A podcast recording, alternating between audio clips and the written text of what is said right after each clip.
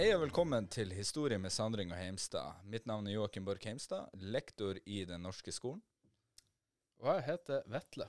Ja, hva du gjør Vetle? Eh, Jeg skriver doktorgrad i eh, historie, og så var jeg historielærer før jeg begynte med det. Ja, Mm. dine kvalifikasjoner. Det er mine påståtte kvalifikasjoner. Yes. Eh, Dette er jo en podkast som skal gå gjennom alt eh, staten vil at du skal vite om historie og litt mer. Og eh, vår intensjon er jo at eh, du i dag skal få ei formening om hvordan man bør gå fram for å finne ut av ting om fortida. Ja, Eh, hvordan du skal utforske det. Ja, rett og slett. Ja, for dagens eh, kompetansemål og tema for denne episoden er jo å utforske fortida med å stille spørsmål, innhente, tolke og bruke ulikt historisk materiale for å finne svar. Veldig omfattende kompetansemål. Veldig Mange verb. Mm. Eh, ikke helt åpenbart hva som menes. Nei, det, det, det er som regel nok med ett verb i eh, enhver setning. Her har du seks.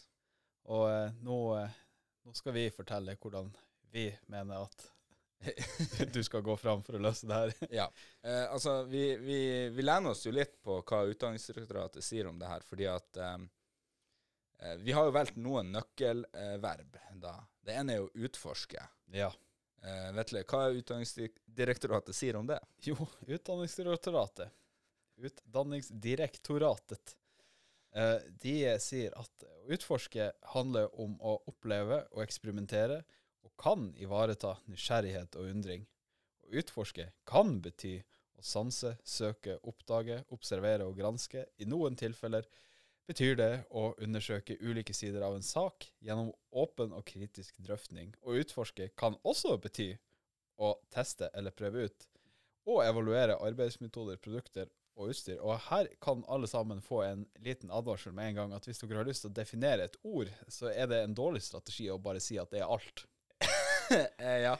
Uh, Sånn det som Utdanningsdirektoratet har gjort her. Uh, veldig, veldig, veldig mange for, altså, ulike versjoner av hva å eh, utforske er for noe. Men eh, for historiefaget så vil jeg jo si at i hvert fall den lille biten i midten kan være mer relevant. Og da, bare for å spesifisere, så snakker vi om å utforske ulike sider av en sak gjennom åpen og kritisk drøfting. For det er gjerne det vi gjør i historie.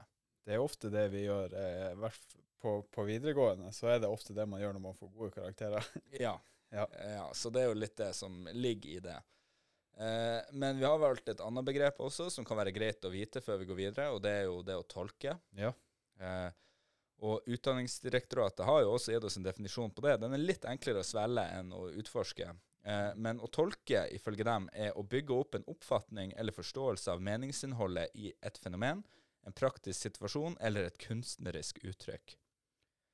Forståelsen bygger ofte på en analyse av enkeltelementer og sammenhengen mellom dem. Og det er jo egentlig eh, veldig greit eh, å tolke. Da på en måte gjør du deg opp i oppfatning når du har analysert noe, eh, og så på en måte prøve å sette det sammen Ja. eh, med andre ting som du gjerne ser på. Så det er jo mye enklere. Det er i hvert fall enklere forklart her. Ja. Eh, I praksis så, så er det ikke like lett. Ja. Eh, Men det er jo ett begrep også som vi har henta inn her, rett og slett fordi det er så viktig i kompetansemålet sånn til slutt, og det er jo å bruke. Ja, og der kan jeg komme med en liten spoiler alert. Eh, det betyr akkurat det du tror det betyr. Eh, og Utdanningsdirektoratet det sier at eh, det vil si at vi gjør oss nytte av noe, eller utfører en handling for å oppnå mål. Å bruke henger nært sammen med å anvende, forstått som å gjøre bruk av, ta i bruk, f.eks. en metode eller et verktøy. Og her er det snakk om metode, Ja. ikke verktøy. Nei, ikke verktøy. Men la meg bare si det sånn at hvis du sliter med å forstå hva å bruke er, så kommer det andre til å være mye vanskeligere. ja, Ja.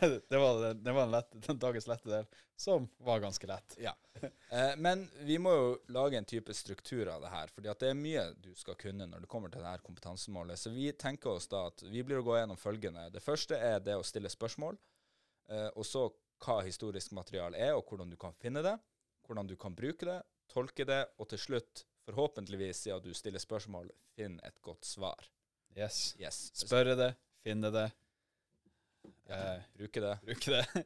tolke det, ja. s- bruke det som svar. Ja. Det henger kanskje i hop. Det henger i hop, vet du. Ja.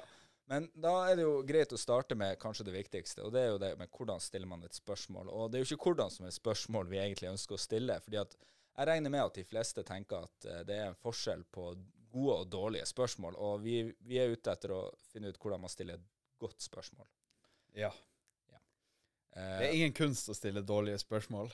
nei, det gjør du gjerne veldig ofte. Det har vi i oss alle sammen, og vi klarer å stille dårlige spørsmål uten, uprovosert ofte. Ja. Men altså, hvis vi da på en måte prøver å eh, gripe fatt i det her, eh, Vetle, er det noen ting i når det kommer til historie som kan være greit når man nå skal prøve å stille gode spørsmål? Hva er det viktig å starte med? Ja, først i de fleste spørresetninger så kommer det jo et spørreord.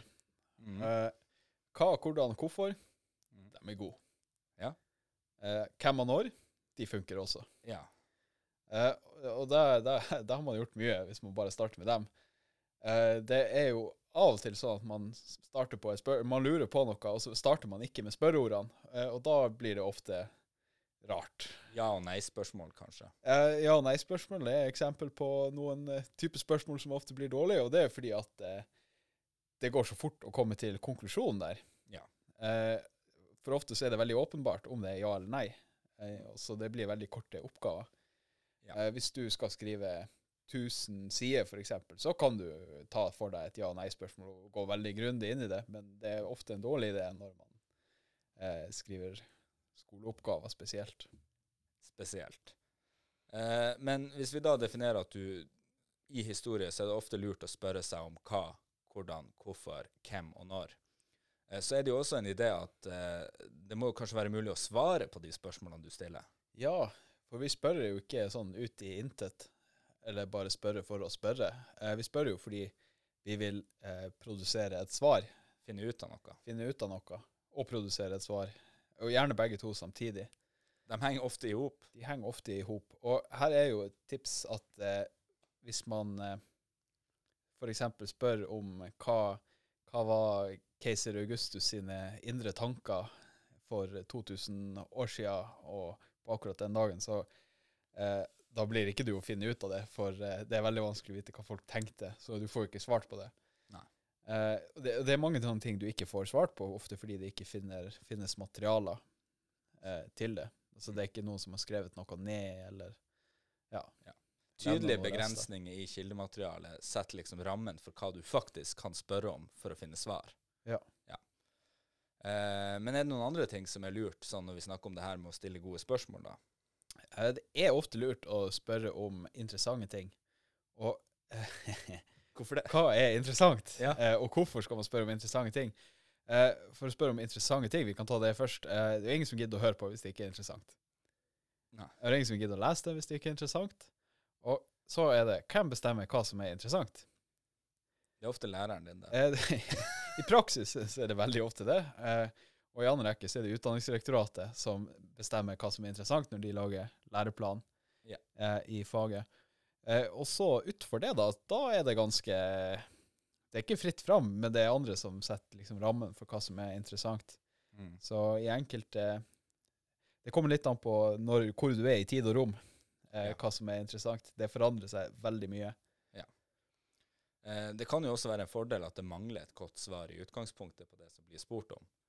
Ja. Eh, historie er jo et tolkningsfag. Det vil jo si at det, det er som regel mulig å faktisk se flere sider enn bare en sånn, et svar du kan ta to streker under, sånn som i matematikken. da. Ja, man ønsker jo veldig gjerne å ha eh, sånn at eh, man kan drøfte og diskutere det. Og eh, det at det skal mangle et godt svar, så når man sitter og jobber med det på videregående, så er det jo veldig lite sannsynlig at man klarer å bidra liksom, i forskningsfronten. Eh, det er jo vanskelig selv for forskere. Ja. så eh, Det er noen forskere der ute som eh, ikke på en måte kommer til så mange meningsfulle ting ut i en lang karriere. mm, Det, men, det er noen highlights, men eh, det er mye som er bundet ut i intet. Ja, veldig mye. Og det man jobber på, blir jo til ingenting. Ja. det er jo bare å erkjenne med en gang. Men, Men- men når man jobber med i, eh, i, i konteksten eh, videregående og sånn ellers, så, så gjelder det jo i stor grad at du klarer å produsere noe, noe originalt på egen hånd. Mm. Eh, At du ikke bare skriver nøyaktig det som står i boka, eller nøyaktig det du fant på en annen plass. Ja, det er kanskje greit. Eh, ellers så må vi jo kanskje nevne det at det er veldig lurt når det kommer til det her med å lage et godt spørsmål, at du også gjør noen avgrensninger knytta til det. Eh, for å gjøre spørsmålet litt enklere å finne svar på. Ja. Eh, og noen sånne ting, grep man kan gjøre for å stille gode spørsmål, det kan jo f.eks. være en geografisk avgrensning. Så Mm. Vetle, kan du gi meg en geografisk avgrensning? Et eksempel på det? Eh, Troms fylke. Troms fylke, OK? Eh, så da har vi avgrensa til Troms fylke. Kan du gi meg en tidsmessig avgrensning til det? 1937 til 1939. 1937 til 1939. OK? Eh, skal vi se, hva er det vi egentlig skal se på i Troms fylke mellom 1937 til 1939? Altså i gruppevis, eh, eller gruppemessig avgrensning. Eh, da skal vi se på fiskere. Fiskere, OK? Men da har vi jo da eh, et innhold som potensielt kan bli et ganske godt spørsmål. For vi har avgrensa det vi på en måte skal finne ut av, til noe veldig spesifikt, som er fiskere i Troms fylke mellom 1937 til 1939. Ja. Ja.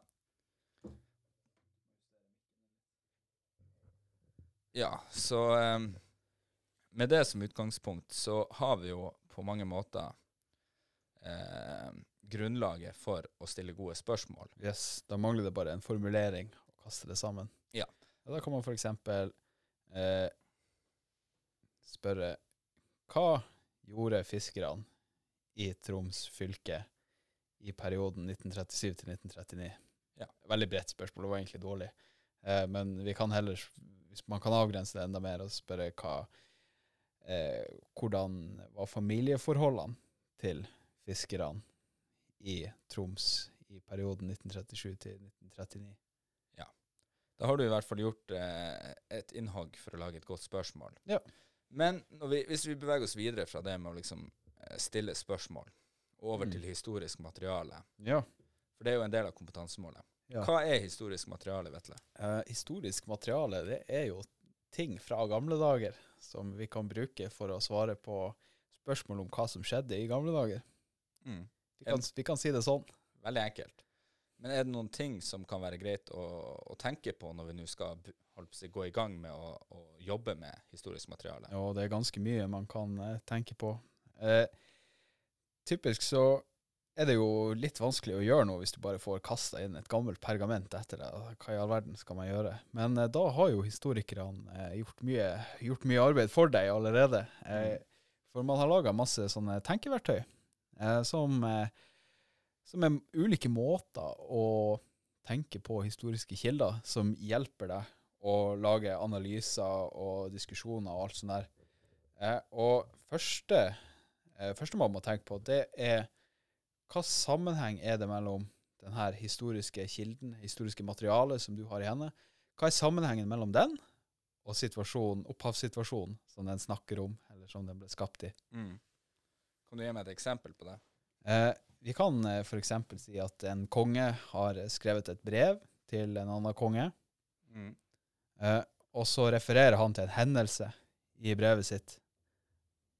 Da kan man ofte si at den hendelsen, det er opphavssituasjonen. Eh, og så blir brevet her skapt som en konsekvens av den hendelsen. Ja. Og så er vi jo ofte veldig interessert i å, skje, i å finne ut hva er det som skjer mellom denne hendelsen og når brevet blir skapt. Ja. Det er det vi har lyst til å belyse ofte når vi, når vi skal diskutere kilder kritisk. For ofte så skjer det mye artig mellom de to punktene. Og det er det man, eh, når man bruker kildekritikk, så prøver man å finne ut hva det har vært. Mm. Er det noen eh, verktøy som man kan bruke da når man skal drive og jobbe med kilder, som kan være greit å, å tenke på i denne sammenhengen? Ja, det første man eh, ofte bruker, i hvert fall i Norge, det er at man ser på om denne kilden er eh, Om det er fornuftig å bruke kilden som en levning eller som en beretning. Og en beretning det er akkurat det det høres ut som. Det er en fortelling om noe som har skjedd. Altså Det står liksom påstander om, eh, om virkeligheten i kilden. Når man bruker det som eh, levning, da er det litt annerledes. Eh, Da bruker man gjerne å man kan si man leser mellom linjene. Du prøver å finne ut hva, hva som ikke er nevnt her, og hva det som står her, hva, hva kan vi si om, om, om ting på den tida det ble skrevet ned. Å lese mellom linjene, som jeg sa, og tolke mye mer enn å bare ta det bokstavelig, det som står der. Ja. Men altså, det kan jo være greit også å forklare at eh, eh, de her to begrepene henger veldig i hop. Ja. Eh, I hvert fall levning og beretning. fordi det er jo ofte vanskelig å klassifisere en kilde at du kan bruke det som enten-eller. Noen kilder er det jo veldig enkelt å, å klart definere som at enten kan den brukes som en levning, eller så kan den brukes som en beretning. Um, altså et sverd fra vikingtida. Ja. Med mindre det står skrevet ganske mye rart på det sverdet, Mm. så det er vanskelig å bruke kilden som en beretning. Du kan derimot bruke den som en levning. Ja. Du kan bruke den til å konkludere med at det var antageligvis mange som hadde fiender. Ja, alt kan egentlig brukes som, eh, som, som, som levning. Men uh, når vi nå snakker om beretninger, da eh, fordi at det er jo altså, en gjenfortelling av noe, Ja. eller en fortelling av noe. Eh, og det er jo to andre begreper der som også gjør seg gjeldende, og det er jo det her med om, eh, det, om det er en førstehånds- eller annenhånds beretning. Yes, og det er, det er nyttig å tenke på. Det er ikke alltid man klarer å finne ut av det, men eh, de begrepene her de bruker man for å belyse det problemet som blir åpenbart for alle som har lekt viskeleken. Det at det som blir hviska eh, helt i starten, det er ikke det samme som kommer ut på slutten. Og når du tenker på første- og andrehåndsberetninger, så prøver du å finne ut hvor mange ledd er det mellom opphavssituasjonen og eh, når kilden ble skrevet ned, og når du har fått den i handa di. Og, og grunnen til at du tenker på det, det er for at sånn på viskeleken så blir det veldig mye feil. Eh, eller feil og feil. Det, det skjer mye med, med det som kommer inn eh, før det kommer ut. Så når du, når du tenker på det, da får du Det er ikke sikkert du finner ut så veldig mye, men du får i hvert fall en liten advarsel om at oi, eh, det er ikke sikkert at det her er kjempegod informasjon, altså. Det det er noen eh, åpenbare plasser man kan trø feil her. Ja.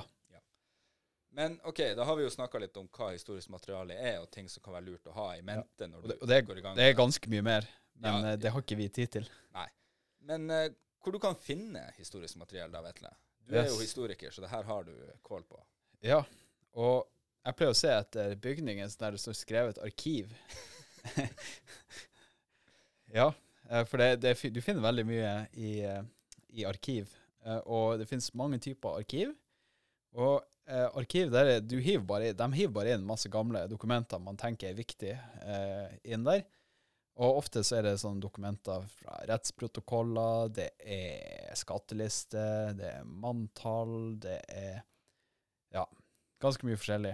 Eh, masse brev alt sånt der, og de finner man i, i arkiv. Og det, er, og det er jo, som jeg sa, store bygninger, enorme lager, gamle papirer. Når du kommer på et arkiv, så hvis du klarer å komme dit innen åpningstidene, de er ofte veldig rare, eh, så er det eh, veldig vanskelig å lese de her eh, gamle dokumentene. For det første så er det sinnssykt teit skrift. Helt umulig å forstå. Eller ikke helt umulig, det er jo mange som kan og er flinke til å lese dem. Men du må trene, det kommer ikke helt av seg sjøl, det der. Det er også vanskelig språk.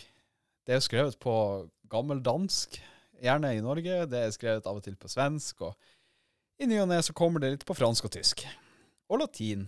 Eh, så det, det Eller norrønt. Det kommer eh, masse forskjellige språk inn her, så det kan være litt vanskelig å, å lese. Og det her fører jo til at det er ekstremt lett eh, å lese feil, eller å misforstå fullstendig. For ord og sånt det forandrer mening over tid, så du må ha ganske mye kjennskap til hvordan man skrev, og hva ord betydde for 300 år siden. Ja. Så det, det er litt vanskelig. Eh, hvis du har lyst til at alle de her problemene skal være lettelig tilgjengelig og komme nærmere deg, så kan du gå på Digitalarkivet sin nettside. Og da kan du plages med de her kildene uh, i din egen stue, på din egen PC. Og de her uh, altså det, Og det er de samme problemene som dukker opp, bare at av og til så er det dårlige skanner, så det er vanskelig å se skrifter som er dårlig skrevet. Men det er veldig mye lettere tilgjengelig. Eh, og du har det liksom på PC-en, så du kan bruke Photoshop til å gjøre enkelte ting tydeligere. Du kan uh, bruke Du kan skanne det inn og prøve å trene kunstig intelligens for å lese for deg. Det er ingen som har fått helt til ennå, men det er mange som prøver. Uh, det går ikke så bra, for det er veldig vanskelig, Naturlig nok. naturlig nok. Og så til sist, da, på Nasjonalbiblioteket sine nettsider, så finner du veldig mange transkriberte kilder. Eh, og de er ofte kjempebra, for der er det noe som har gjort alt det her vanskelig for deg. Eh, og så når det er et ord som er litt vanskelig, eh, så står det ofte en fotnote der det står forklart bak. Eh, så det er veldig greit. Veldig mye av folketellingen de er transkribert. Eh, flere av tingbøkene er transkribert. Eh, og det er, det er kult. Det er godt jobba til de som har gjort det. Det er imponerende, eh, veldig mye av det som er gjort. Er det noen andre plasser du kan finne, altså annet enn på nett og i arkiv? Ja, eh, vi har jo en uh, Vi har jo en stor organisasjon, et byrå i Norge som gjør mye sånn her for oss. eh, Statistisk sentralbyrå. Uh, og de samler jo statistikk. Og de har ganske lange sånne her serier med statistikk der de samler inn. Og mange av dem de eh, varer og rekker over eh, ganske mange år. Så der kan du finne sammenhengende statistikkserier og se på f.eks. Hvor, hvor gammel folk blir og alt sånt der. Og det er samla i en enkel pakke. Veldig greit. Så nett, Statistisk sentralbyrå Og arkiv. arkiv. Ja. Så langt. Ja, Du har jo også begynt å nevne litt sånn som f.eks. det her med hvis du drar på arkiv, eller hvis du ser på gamle kilder, ting som er vanskelig og kanskje greit å ta inn over seg før du på en måte går i gang med å tolke og bruke dem. Eh, er det noen andre kilder vi kan bruke som vi kan regne som historisk materiale? Ja, ofte så kan man bruke intervju også. Er- Intervju? hvis, hvis du bare finner tilstrekkelig gamle nok folk som, eh, som har levd historien eh, og vært der og gjort de tingene. Det høres ut som tydelige avgrensninger når du skal bruke den kilden. Ja, ja, ja. Det er veldig vanskelig å intervjue folk som er døde. De pleier ikke å svare når man spør, og hvis de svarer, så er det bare skummelt. det er ikke Det bra det hele tatt. det hele veldig tatt. spennende. da. Ja, fryktelig spennende, men ikke noe Ja. Men, men, men altså, intervjuer, det må jo være altså, Jeg tenker Det er jo absolutt bra hvis du kan finne folk som faktisk kan være historiske kilder, bare i kraft av å være seg sjøl. Ja. Men jeg tenker her er det jo en stor fallgruve, litt som du nevnte med viskeleken. ja. Eh, for jeg tenker at jo lenger tid det er gått fra hendelsen, jo vanskeligere må det jo være å huske, eller? Ja, for, eh, for det er jo ikke sånn at eh, øynene er et videokamera, og at ørene er en mikrofon, og at hjernen din er en harddisk der alt bare lagres. Eh, langt derifra. Man glemmer kjempemasse, og, og man husker feil. Og ja, og, og det er ofte problemet med intervjuer, at det ikke Du får informasjon om hva de husker, og hvordan de husker det, ikke nødvendigvis om det som har skjedd.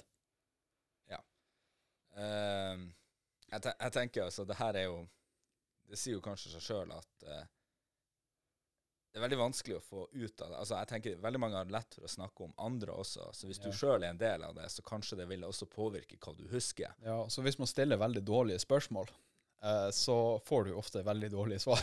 Ja. Eh, og og det, det er på intervjuene også. Så ofte hvis du, du kan stille veldig ledende spørsmål, og da forandrer det folk husker seg ganske tydelig. Ja. Så det er, en, det er jo et eksempel på at spørsmål du stiller da i den situasjonen, kan endre kildegrunnlaget ditt ganske mye, fordi at du, du legger føringer egentlig for hva som kan svares. Ja, og der har de, de har forska ganske mye i, i USA på akkurat hvor, hvor forskjellig folk husker, og hvor lett de er å påvirke og alt sånt der. Så man må være ganske, man må være ganske nøye når man eh, gjennomfører intervjuer. Ja, men det, det er jo for så vidt egentlig eh, relativt viktige ting vi snakker om her. Altså, Nå ser dere, folkens, hvor eh, viktig det er å stille gode spørsmål. Ja, ja, ja. Ja. Eh, men det her er jo en annen sak, da, som kanskje kan være men, men For det er jo ikke alltid at folk har skrevet ned ting. Nei. det, så jeg regner med at vi, vi kommer jo ikke utenom å snakke om én type historisk eh, kilde som eh, er ganske viktig, i hvert fall jo eldre historiene. Ja, og det er jo arkeologisk eh, materiale. Og vi kjenner jo alle til eh, kanskje verdens mest berømte arkeolog, eh, Indiana Jones. Ja. Eh, hvis han hadde vært en ekte arkeolog, så hadde, han, så hadde det vært fire filmer der han går rundt og samler potteskår. For, eh, for det, det, er- det, Det er veldig viktig for arkeologer. det Jeg vet ikke, men det er veldig mange arkeologer som samler potteskår. eh, og bruker det til å fortelle eh, mange historier om hva som har skjedd i fortida.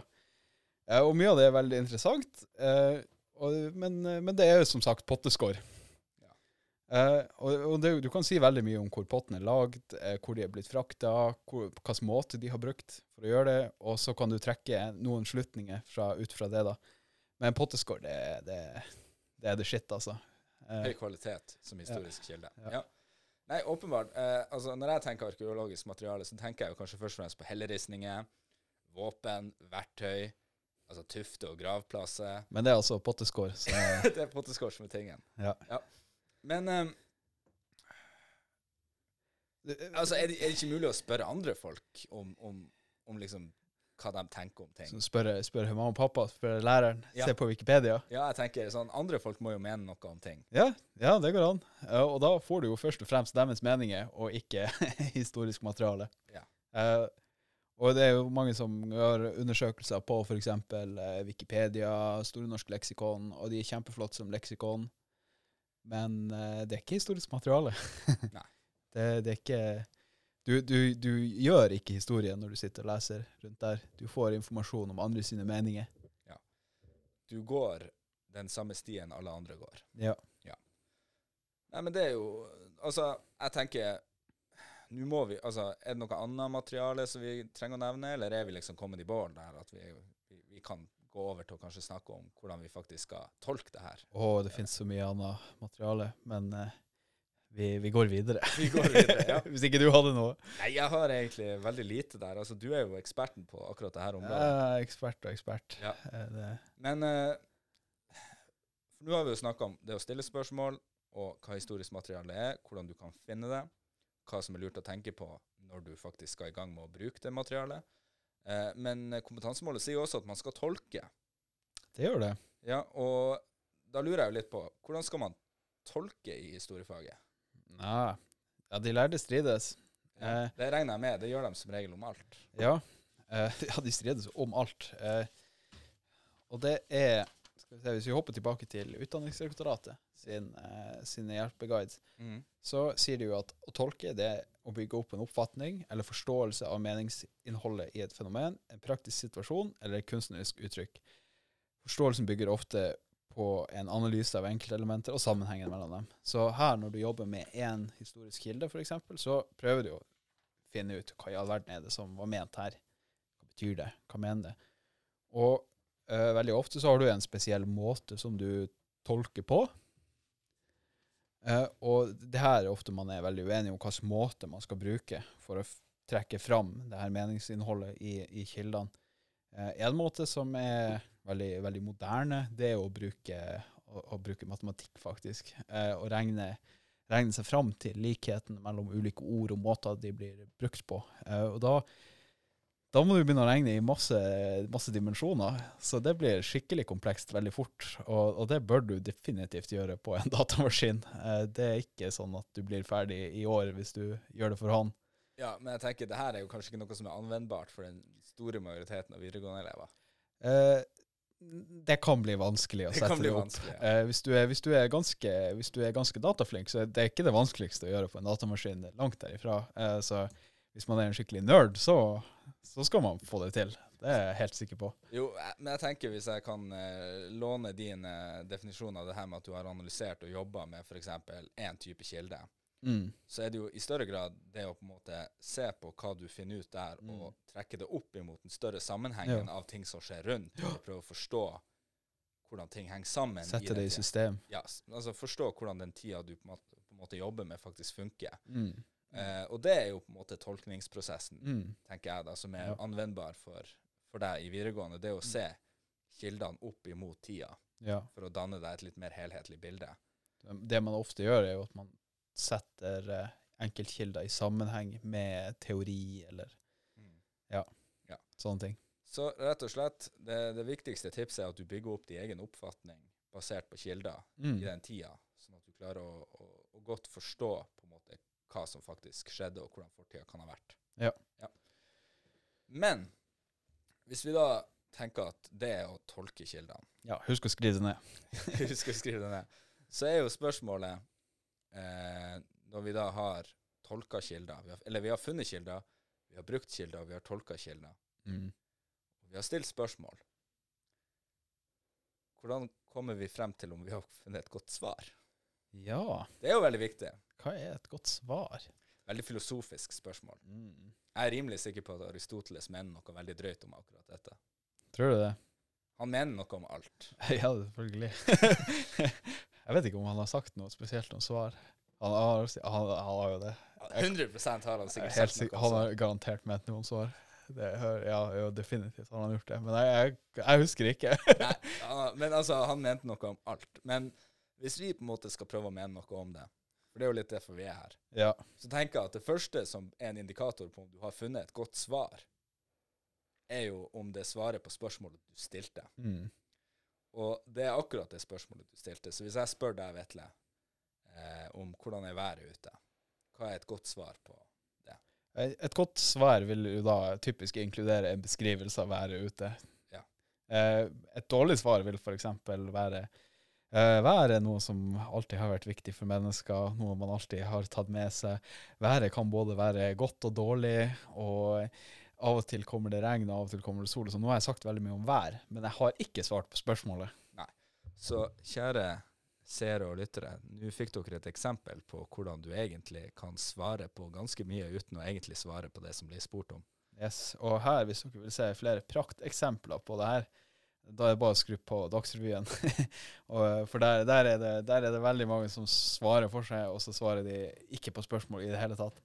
Og, eh, og det er mange gode grunner til å svare, ikke svare på spørsmålet. F.eks. hvis det stiller deg i et veldig dårlig lys. eh, om du svarer godt på spørsmålet, da, da er det veldig vanlig å ikke svare på spørsmålet, men å svare på noe helt annet eh, i stedet for. Dette er shots fired mot enhver politisk debatt. Ja, og mange andre ganger også. Det er ofte i hverdagen at man ikke svarer helt på det spørsmålet som blir, eh, som blir eh, stilt på. Altså, Mm. det, det er noe alle gjør. Det er, her er ikke unikt for politikere i det hele tatt. Men, Vetle, for jeg må, jeg må arrestere deg på én ting. Oi. Kanskje du kan utdype en ting, eh, sånn at det blir tydelig for holdt på å si, dem som følger med her. At, så det du sier, at du skal svare bare på akkurat det som blir stilt? Eller Det kommer jo litt an på. Altså, for som regel, eh, som regel så er det veldig mye med en ting. Som, altså, du kan gi et veldig detaljert svar, og du kan jo gi et veldig overfladisk svar. F.eks. på spørsmålet hva eh, hva svær er det ute. Så kan du si overskya. Eller du kan f.eks. si det er tre grader, det er, er lett skydekke, det er en luftfuktighet på så og så mange grader. Det her betyr at vi må ta på oss varme klær mm. eh, sånne ting. Du kan gi et mye mer detaljert svar enn å bare si en enkel ting. Og sånn vil det være med nesten alt. Man kan komme med ganske gode nyanser på hvordan ting er. Ja. Så trikset er at du kan svare grundig uten at du unngår å svare på spørsmålet. Ja, ja.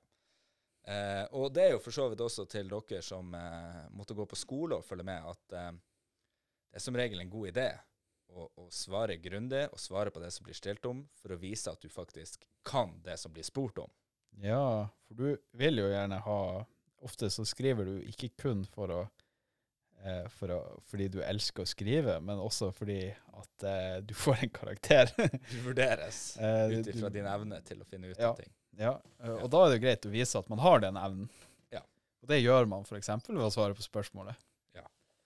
Og eh, for så vidt, vi har ikke nevnt det, men jeg tenker det er også en lur ting at eh, det holder som regel å stille ett spørsmål. Unngå å stille mange spørsmål. Det, er- så som, eh, altså det er helt forferdelig å lese tekster der det er 10 000 spørsmål, eh, og ingen blir svart på. Det, og det er veldig frustrerende. Det, det er skikkelig slitsomt. Så det kan jo være trikset, da. Still ett spørsmål som du svarer grundig på. Og og så ofte så det, kan du ha sånne hjelpespørsmål som du også må svare på for å svare på spørsmålet ditt. uh, men det er noe annet. Det er noe helt annet. Det, det er ikke det samme som å kaste ut uh, 10 000 spørsmål. Ja. ja. Nei, altså Det er jo selvfølgelig Det ene er jo at du på en måte det er lettere å svare på, men det er også lettere å begrunne det og faktisk jobbe godt med én ting. ja, og det er jo sånn at svaret ditt må også kunne forsvares. altså hvis du Det må være et sånt svar som det går an å diskutere mot. Uh, men det må ikke være sånn Altså det kan ikke være åpenbart feil heller. Så uh, det må være litt sånn sammenheng i svaret, og det må være sånn at du kan stå inne for det her. Eh, at du faktisk kan ja, diskutere det med andre. Og i det så følger det også at du kan ikke bare komme med sånn helt ville, grunnløse påstander. Du må bygge det på noe. For da har folk eh, muligheten til å diskutere med deg. Og det er jo også jo grundigere du svarer, og jo bedre du svarer på hvordan du har gått fram for å komme til svaret ditt, eh, jo lettere er det å diskutere med deg. Mm. Og det er noe man gjerne vil, da. Eh, Det er klart at vi, vi er, i hvert fall jeg innser jo også at det er jo litt vanskelig å vite når har du kommet fram til et godt svar. Yes. Eh, men eh, da viser vi egentlig tilbake til det vi sa først i akkurat denne biten, at det er som regel når du kan svare på det spørsmålet som stilles. Mm. For du kan jo skrive i evigheten og forbi. Ja, du kan svare veldig lenge på alt. Ja, og det kan jo være lurt å se på avgrensningen som ofte stilles. Ja, for ofte så står det helt presist i eh, oppgaveteksten akkurat hvor langt du skal skrive. Eh, og det er lurt å forholde seg til, for da har noen bestemt at det er så mye du trenger for å skrive et godt svar. Ja. Og, og av og til når det ikke står noe, så holder det som tre-fire sider holder, som regel. Eh, Men, men hvis du, Vetle, for du har jo ikke det samme, det er jo ikke noen som sier til deg hvor mange ord du skal skrive f.eks. i en artikkel. jo, Er det det? det står alltid grense på hvor mange, hvor mange ord man kan skrive i en artikkel. Og det kan jeg bare si det, at det er veldig lite forskning som er mer enn eh, 2500, nei, 20, 25 000 ord. Ja. der, der er det ofte Jeg tror det er nesten alle tidsskrift har, har, eh, en grense som ligger rundt der, da. Uh, men, men det er ikke fordi at da slutter det å være interessant, og da kan du ikke finne ut mer. Det er en grense som er satt der fordi det er upraktisk å trykke opp eh, større ting. Det er liksom Ja. Det er en, en praktisk eh, avgrensning. Det er ikke en sånn eh, Det, altså Det kommer svær. ikke fra metafysiske lover. det, er ikke, det, er ikke, det er ikke sånn man har funnet ut det. Det er bare veldig slitsomt å lese veldig lange tekster. Så det er bedre om folk fatter seg litt mer i korthet. Ja. Så kan man heller skrive bok, og den kan være ganske lang. Men eh, ikke så for, eh, for det er jo noen som må trykke opp de her bøkene og printe dem ut. Koster masse penger. Eh, og der også er det en begrensning på hvor mye du kan skrive, og den også er praktisk. Eh, så det er jo sjeld, veldig sjelden man ser bøker som er så veldig mye lengre enn 500 ord. Nei, 500 sider. Ja. Eh, men det finnes helt klart fenomener som kan beskrives på mer enn 500 sider. Så det, det er praktiske eh, ting som slår inn her. Ja. En annen praktisk ting som slår ofte inn, det var eh, Og det var så mye som jeg rakk før innleveringsfristen. Ja. ja, det er jo en helt annen ting. Eh, Det er en annen måte å så- avgrense på. Den eh, vil jeg egentlig fraråde. Ja, det var så langt jeg kom. Fem minutter før jeg måtte levere. Men med det sagt, så tror jeg jo egentlig at vi, nå har vi vært innom de ulike delene. Ja. Vi har snakka om hvordan du stiller spørsmål, hva historisk materiale er, og hvordan du kan finne det. Hvordan du kan bruke det, tolke det, og til slutt da eh, summere om det har hjulpet deg å finne et godt svar på det spørsmålet som du stilte. Ja. Um, så eh, jeg vet ikke, er det noe mer vi trenger å oppsummere ifra den biten? Altså, Jeg tenker kanskje en, en viktig ting det er å huske på at det finnes eh, mye materiale som kan gi deg svar på ting, men eh, det er lett å trå feil. Ja. Eh, og det er ganske nyttig å ha en klar og tydelig metode når du skal begynne å tolke, og ikke bare eh, si ting som det faller deg inn, eh, men ha en liten plan på hvordan du skal tolke ting. Og, og til syvende og sist så vil jo alt dette hjelpes veldig godt hvis spørsmålet som er stilt til deg, er godt i utgangspunktet. Ja. Og eh, hvis vi da skal trå videre til hvordan du egentlig best kan jobbe med å forstå dagens kompetansemål Det, jeg vil si at det er som veldig mye annet, altså det er trening. Uh, og i dette tilfellet så er jo treninga stille spørsmål og svare på dem. ja. Så da hørte dere det her, folkens. Still spørsmål og svar på dem. Det kommer til å bli bedre. Du kommer til å gå på trynet noen ganger, men det er lov. Ja, Det er jo det. ja takk for eh, inspirerende ord. Joakim. Det, Jeg gjør ingenting annet enn å være motiverende. nei, nei, nei, litt annet, litt annet. Ja. Så eh, det er bra. Og neste gang så skal vi eh, reflektere over hvorfor historikere deler inn fortiden i perioder, og vurdere hvordan vi kan periodisere fortiden på grunnlag av ulike kriterier. Jeg gleder meg. Og det blir skikkelig gøy. Yes. Da ses vi da. Ja, ha det bra. Det er fortsatt det kongelige vinket. Det er fortsatt det kongelige vinke. Ja.